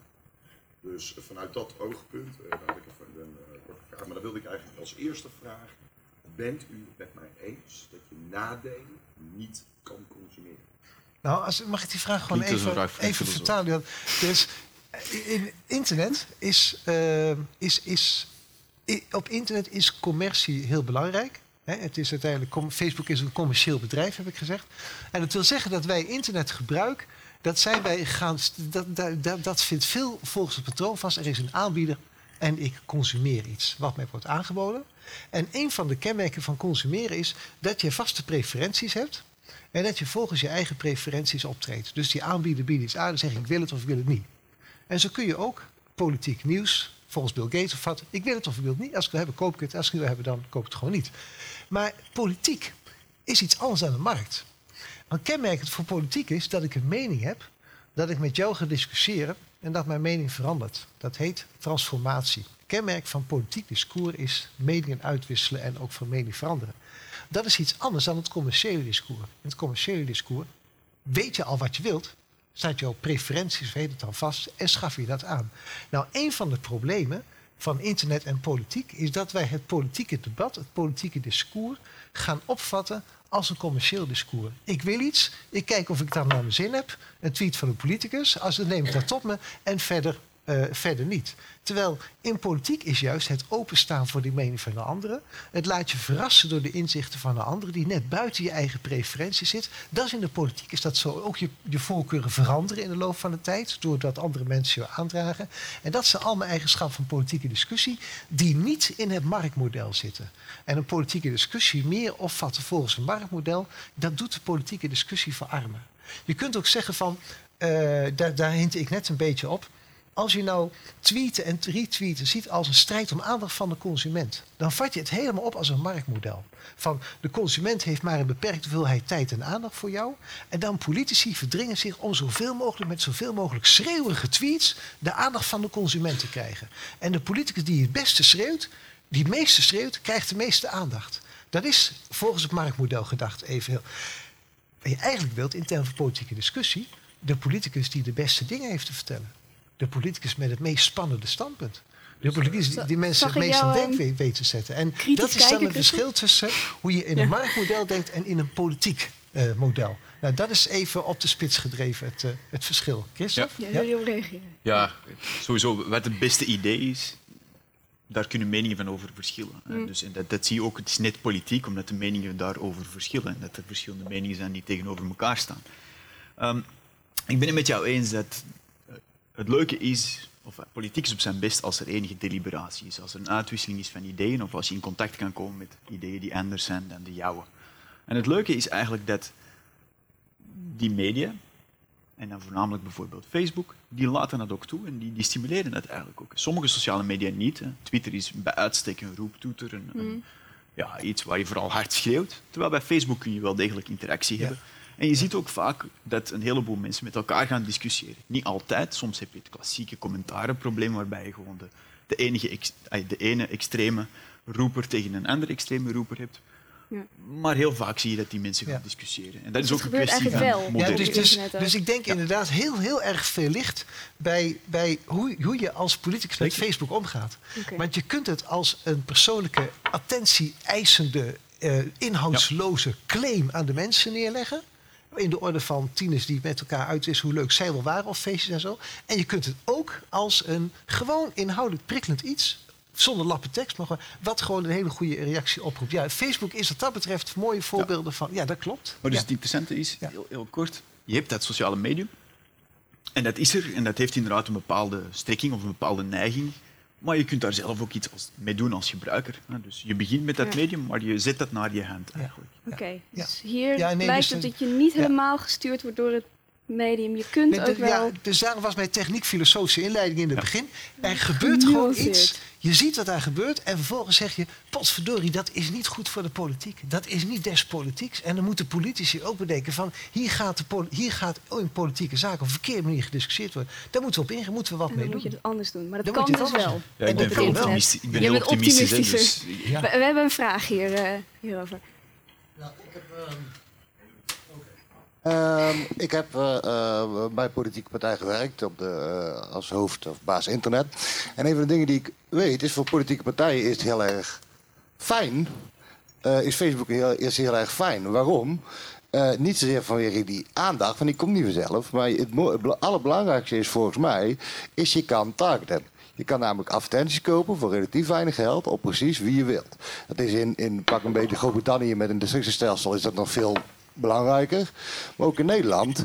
Ik werkte voor GroenLinks. Nou, even heel simpel. Ik kon bij wijze zeggen, ik wil mensen tussen de 21 of tussen de 18 en de, en de 30. En ik schrijf iets over, eh, eh, over starters op de woning, woningmarkt. En dat wil ik eh, laten zien aan mensen die ook eh, Greenpeace liken. Even, even heel grof gezegd. Nou, dan zit je al een heel leuke eh, doelgroep. En eh, eh, dat miskijken in jullie verhaal wel. Van, je, zegt van ja, de, de, de, vanuit de politieke partij of vanuit de kandidaat is het, eh, is het helemaal niet. Ja, zit er eigenlijk geen nadeel aan. In die zin, ja, ik bedoel, wel- behalve de rotsen die je over je heen krijgt. Maar je, ik bedoel, er zit, ik bedoel, als je het op zo'n manier bekijkt, is het, ja, dan, dan is het, ja, je hebt soms een discussie. En ja, je neemt er daar wat van dingen aan mee, wat dingen van mee. Maar het is vooral dat je heel veel mensen kan bereiken die ook nog eens een keer een grote kans hebben om op jou te stemmen. Ja, dat, dat is helemaal het. Obama-verhaal. Dat is precies wat Obama deed. En Chris Hughes die hielp hem, want die algoritmes waren toen veel slechter ontwikkeld dan nu. Maar Chris Hughes staat er precies op zo'n manier te doen zoals jij het, als jij beschrijft. Ben je dat met me eens? Ja, voor mij in 2008 heeft Obama vooral ingezet op het eh, organiseren van eh, mensen. Dus vooral dat via groepen dat mensen in, eh, eh, in Athens, Georgia, dat, dat daar mensen zich konden organiseren om vervolgens langs de deuren te gaan en zo. Ja, en daar veel om te minder, op het targeten, eh, Ja. veel minder op het targeten. Ja, ja maar je had ook al Obama voor die en Obama voor die. Voor de verschillende groepen die werden, aange, die werden aangesproken. Naast dat mobiliseren inderdaad. Eh, tegelijkertijd, waar ligt de grens tussen targeten en de informatiefuik? Eh, Nou, vanuit, vanuit de politicus is die er niet. Even simpel gezegd. eh, of als je het op andere voorbeelden bekijkt. Dat, ik bedoel, en dat is niet nieuw op zich. Ik bedoel, een, een VVD'er die, die zal met een pro-asfalt verhaal voor op de Telegraaf willen staan. Ja. En een eh, GroenLinkster die wil bij, eh, bij de trouwen meteen van een groene, groene Ja. Je- jouw punt is maar eigenlijk, nou- een politicus ja. moet altijd mensen werven. Ja. En internet maakt dat nog gemakkelijker. Ja, en dat valt deels samen met informatiefuik. Maar dat is dus niet... per- Of, Nee, het perspectief ja. of dat, of dat Ja. kwalijk is. Ja, nee, dus maar het, eh, het is niet, ik zit te wachten op de eerste probleem binnen een politieke partij. Dat ze merken dat ze aan groep X dit hebben gecommuniceerd. Aan groep Y dat hebben gecommuniceerd. En dat de hoogme journalist zegt van... hé, hey, eh chameleontisch, wat ze aan die beide groepen hebben gecommuniceerd... is met elkaar in strijd. Ha, kijk, dan, zijn ze dus, dan is zo'n politieke partij zichzelf aan het, aan, het, aan het versplinteren, zeg maar. En omdat ze met vers- op verschillende groepen gericht zijn... verliezen ze consistentie. Maar is dat, is dat offline anders dan online? Eh, offline politici offline dat niet altijd al te doen? eh, ja, Leuk, of, leuk ja. is dat die sociale media openbaar zijn, dus je kan het veel Ja, dus makkelijker je ontdekt Ja, het dat makkelijker. trekt je. Ja. En, eh, en er is een verleiding op de. Ik zit Maar ook een beetje te wachten op een, op een politicus die op een tweet of via Facebook dingen gaat beloven. die interessant vindt, maar die de politieke partij helemaal niet, niet achterstaat, niet draagt. Dus een zekere versplintering. Ja, ja, Milieuzones, de Tweede Kamerfractie is boos tegen. ja. In zowel Utrecht als Rotterdam als Amsterdam, waar ze bezig waren met milieuzones, dat de VVD in het college, eh, en waren ze dus voor. ja. Dus in die zin, dat, dat gebeurt, heb je geen sociale media voor nodig. Maar wat ik eigenlijk zie hier, is dat sociale media misschien een nieuw voordeel biedt. Namelijk dat dat soort fouten worden ontdekt. Die transparantie, ja. Ja, biedt transparantie. En ik denk ook trouwens, hè, het leuke is, ehm, je kunt het een fuik noemen, maar je kunt het inderdaad ook een targeting strategy noemen. En het toffe is dat als je je richt op een bepaalde groep mensen, ja, dan kun je veel gemakkelijker consistent zijn. Als je, als je als het ware met een snipergun moet gaan schieten, dan gaat dat veel beter dan wanneer je een schot hagel hebt. Dat kan alle kanten Ja, opgaan. nee, dus in termen van mobilisatie geloof ik dat ook eh, wel. Alleen de verleiding om in de ene groep, ene gremium, daarin zo mee te Ja. gaan en dat Maar ding dat in is, strijd dat met is de echt andere een kwestie gremium. van coördinatie. Ja, Je ziet gewoon ja, dat in het, begin, in de beginfase ging dat wel vaker fout, maar Ja. partijen zijn er gewoon ook beter in leren geworden. ze nu. Ja, mensen leren uit hun fouten, Ja, ja, ja, ook partijen. ja, de regie. ja. De techniek is meer de fuik, zeg jij. Die is gericht op... Ja. Ja, je wilt terugkomen op die informatiebubbel. Ja. Die, Ja, dus, ja, dus de techniek leidt tot een zekere versplintering. En dan zegt dus mijn gesprek, ja, centrale regie. Dus als het ware moet je in de centrale regie... moet je dan bijcorrigeren wat een mogelijk probleem van die techniek kan, eh, kan En bovendien, worden. dat, ver- dat vertelde me, jij me ook, ehm, het interessante is dat er wel degelijk een fuik is, maar mensen komen toch nog altijd per ongeluk op bepaalde dingen terecht. Eh, zaken bijvoorbeeld waar ze zelf niet aan dachten, maar die in de lijn der verwachtingen liggen op basis van hun eerdere zoekgedrag. Maar het kan ook iets zijn wat gewoon ja, daar radicaal tegenover staat. Als het Ja. een klassieke opponent is. Geen enkele? woordje, zeg maar. Nou, als je kijkt naar bepaalde dingen, oh, die heeft daar wel heel veel van.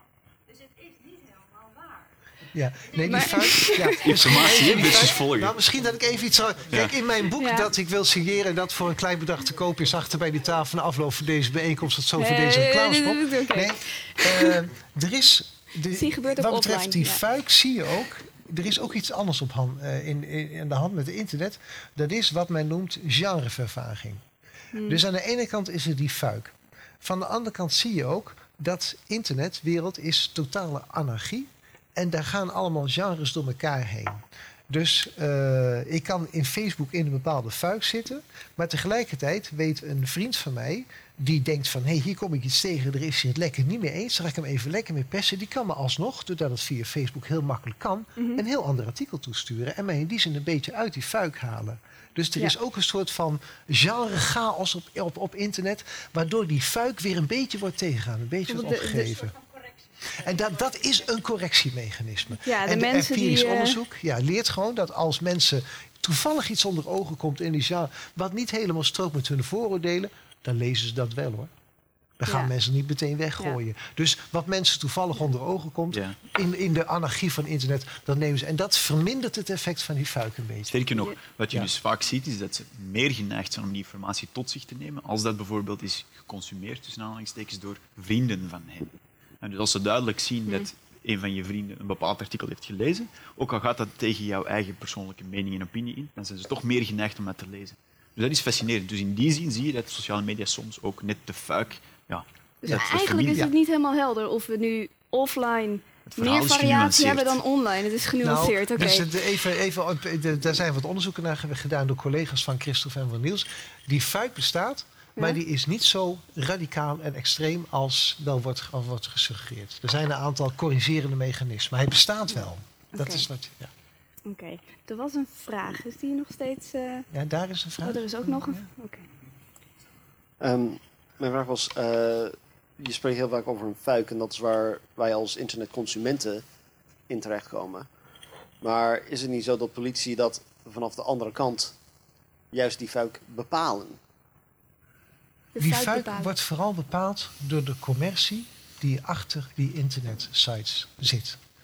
Eh, door basis van de algoritmen die jij niet kent en die ook niet kent, wordt bepaald wat ik voor een informatie krijg en wat ik voor een advertenties krijg. In die zin hebben wij, zijn wij minder autonoom dan ooit in de geschiedenis, want we zitten voortdurend achter een medium dat met ons dingen doet, waar mechanismes achter zitten die wij ons, waarvan we volstrekt niet op de hoogte zijn.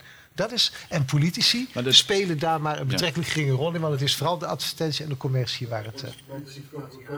eh, momentje. Het is al de informatieaanbieders die bepalen in welke categorie dat informatie op gericht wordt.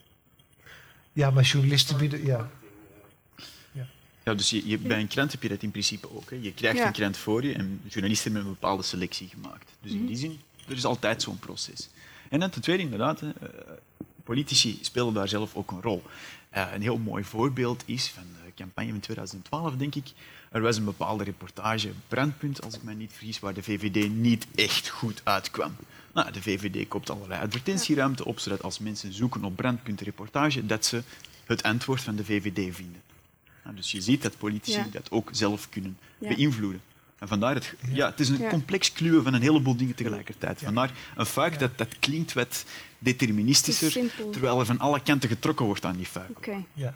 Ja. Maar in ieder geval hebben we er geen controle over als consument op het internet. Ik heb nog tijd voor één vraag. Jij zat al een tijdje te wachten. Alleen een kleine aanvulling. Oké. Is controle dat ik kan op Twitter wel eh woordjes gaan volgen. En ik kan Ja. op Daarom. andere partijen Ja. liken. Dus vergeet niet Wat onze eigen invloed wat onze Ja, eigen invloed. ja, We hebben wel, wat- wel wat autonomie nog. Sorry. Nog één keer, wil je nog één keer herhalen? We hebben hem gemist. zodat alle cookies misschien eens gewist worden bij webbezoeken. En dan Ja. werken die filters wat minder. Ja, ja, dus we kunnen wel dingen doen. Dan, om, Ja. dan mis je ook dingen. Dat is de keuze waar we dan voor staan. Door het niet accepteren van de cookies gaat Mhm. ook dingen die we misschien graag willen. En die, dus daar zit wel echt een probleem hoor. In dat wij informatie aanreiken op een manier die we niet zelf in de hand hebben. Maar je Ja. kan controle Ja. claimen als je dat wil. Ja, ik, Dat klopt. Ja. we, we zijn al bijna door de tijd heen. Ik wil nog even afronden met een laatste vraag aan jullie. Kort antwoord, voor zover mogelijk. David Bowie die voorspelde al in de jaren 90 dat het internet tot grote veranderingen zou leiden. Welke veranderingen voorzien jullie nu nog voor de toekomst? Je, je vraagt aan ons om te voorspellen. Ja, net zoals David Bowie dat heel goed in de jaren 90 heeft gedaan. Ja, wat, ik, wat ik altijd standaard daarop zeg is, mensen zijn geen robots. Nee. Daarom kunnen we niet voorspellen. Technologie is in, in zekere zin ja, wel een machine, maar het zijn mensen dan? die daarmee omgaan. Ehm, ehm, mijn voorspelling zal zijn dat een heleboel van die zaken naast elkaar blijven bestaan. Ehm, er zullen nog altijd boeken gelezen worden, er zullen nog altijd belangrijke televisiedebatten bestaan. Sociale media is gewoon één extra tool Met aan een- dat, aan dat hele grote geheel. Ik, ik, ik, ik denk dat de horizontalisering van de samenleving... dat die nog verder gaat doorzetten. Dus nog minder opzien tegen autoriteiten. In dit geval politici als autoriteit zal steeds minder worden. En waarom voorspel ik dat? Omdat gebleken is dat eh, internet... eh, Dat daar waar technologie en samenleving elkaar kunnen versterken... de ontwikkeling het snelste gaan. Wij leven in een samenleving van individualisering, ook door allerlei andere zaken. En tegelijkertijd zie je dat internettechnologie, dat is het mooie van jouw verhaal, hè, dat, dat de klassieke lijnen worden korter, de hiërarchieën worden minder. En dat ook internet insterkt, het is allemaal voor ons allemaal bereikbaar en goedkoop. En internet horizontaliseert ook heel sterk. En dat zal in de samenleving toch al individualisering nog sterker worden. Ja, Kip ei verhaal, maar waarschijnlijk inderdaad versterkend effect. Hè. Ja. Dat, dat geloof ik wel. Oké, we moeten het hier helaas al bij laten. Ehm, jouw boek is praktisch uit. M- Men heeft mij verzekerd dat het, de, de boeken nu op het schip eh, liggen. Op het schip liggen. De website is weer online. Dus Nee, zoek... nog niet. Oh, De, de Er mensen zijn van technische hebben problemen. besloten om die website plat te leggen in de week dat het boek verschijnt. oké. Je bestudeert de techniek. Je bent er niet... eh, Oké.